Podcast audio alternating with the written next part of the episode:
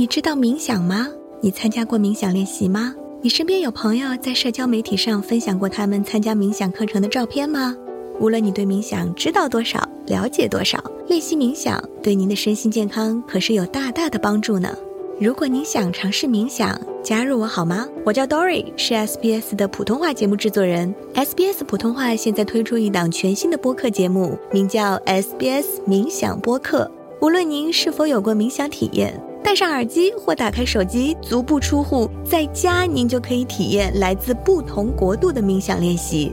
我们的冥想课程都是由来自世界各地的从事冥想练习实践或推广的专业冥想师为您特殊制定的。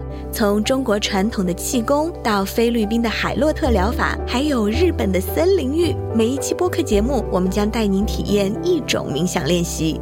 点击或关注 SBS 收音机 App，或在您的任意播客 App 中搜索 SBS 冥想播客，让我们一起探索冥想的智慧。